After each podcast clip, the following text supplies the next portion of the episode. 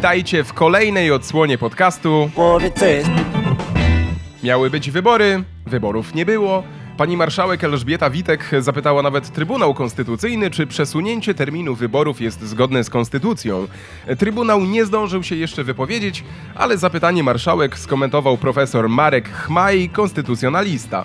Stwierdził, że pytanie jest absurdalne i pani marszałek równie dobrze mogła zadać do Trybunału pytanie dotyczące przepisu na sernik. Ja lubię takie kulinarne metafory, ale mimo wszystko sytuacja w kraju raczej nie przypomina słodkiego i pysznego sernika. Moim zdaniem to raczej kaszanka albo Kiełbasa z dymem na wodzie.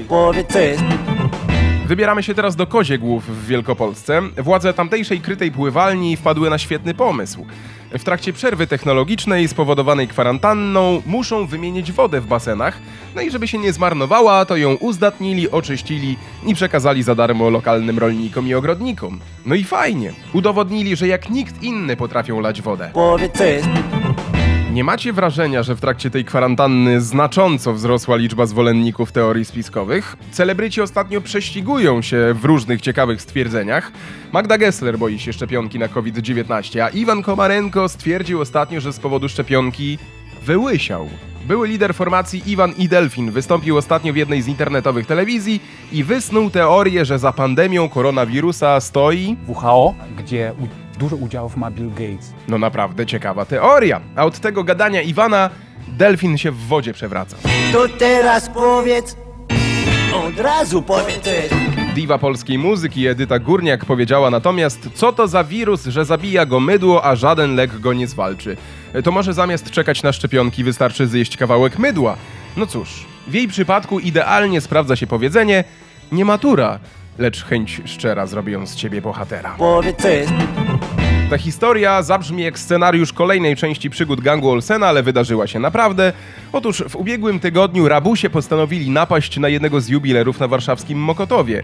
Pod sklep podjechał biały minivan, jeden z napastników wszedł do sklepu, zabrał co miał zabrać, no i gang zaczął uciekać. Nieoczekiwanie ich auto zatrzymało się w Alei Szucha, tuż obok siedziby Trybunału Konstytucyjnego. Dlaczego? Jak się okazało, złodziejom zabrakło paliwa, a ja dotarłem do zapisu rozmowy z ich samochodu. No i co? Zapomniałam zatankować. Zapomniałeś zatankować przed akcją?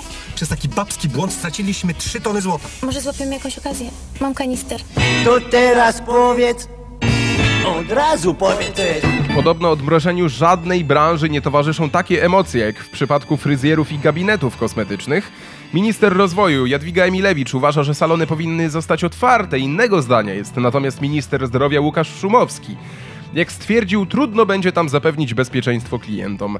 Póki co zakłady stoją zamknięte. Nieoficjalnie mówi się, że fryzjerzy i kosmetolodzy będą mogli rozpocząć pracę po 18 maja. Wtedy ma odbyć się kolejne luzowanie obostrzeń. Co ciekawe, prezes Związku Przedsiębiorców i Pracodawców twierdzi, że w Polsce kwitnie właśnie fryzjerskie podziemie. A ja dotarłem do zapisu wizyty w jednym z takich podziemnych salonów. Jak ty teraz wyglądasz? Wygolili ci głowę? Świadkowie twierdzą, że nie tylko głowy. Panie, pyta pana ktoś o coś? Powiedz co jest. Każdy szuka sobie jakichś ciekawych zajęć w trakcie tej kwarantanny. Jak się okazuje, kierowca teamu Ferrari Charles Leclerc także nie próżnuje i cały czas siedzi za kółkiem, tylko bolid zamienił na ciężarówkę. Monakijczyk postanowił zostać wolontariuszem i rozwozi paczki. No ciekawe, czy w pakiecie ma jeszcze jakąś melodię na poprawienie humoru.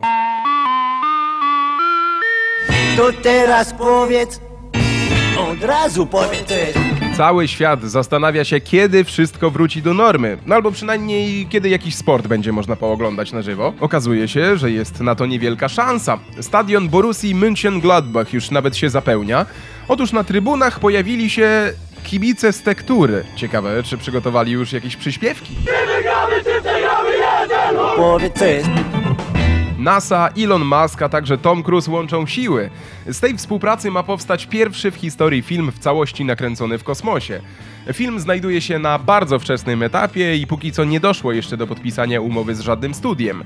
Film jednak zapowiada się bardzo ciekawie. Jest szansa, że zagrają w nim prawdziwe gwiazdy. To teraz powiedz. Od razu powiedz. Panu Elonowi wcześniej wspomnianemu urodził się ostatnio syn. Dyrektor generalny Tesli i jego partnerka, kanadyjska wokalistka Grimes, postawili na mocno nietypowe imię. Otóż nazwali syna XAEA myślnik 12. No tak to wygląda przynajmniej w zapisie. Ale nieważne zresztą jak to się pisze, ważne, że czyta się Brian. Nie wiadomo jak długo nie będziemy mogli pojechać sobie na jakąś wycieczkę, no to zabiorę was chociaż na taką wirtualną. Lecimy do Stanów Zjednoczonych, a dokładnie do miasta Winston-Salem w północnej Karolinie. To właśnie tam przez miesiąc działała młodociana zorganizowana grupa przestępcza. Gang tylko w ciągu miesiąca ukradł 46 samochodów łącznej wartości ponad miliona dolarów. I teraz najciekawsze, do gangu należało 19 osób, najstarszy miał 16 lat, a najmłodszy 9. A mnie udało się skontaktować z juniorem. E, wybierają e, każdy swoje samochody. E, tu my mamy ten biały, on ma ten czerwony. I No i e, teraz e, goni nas policja nagle.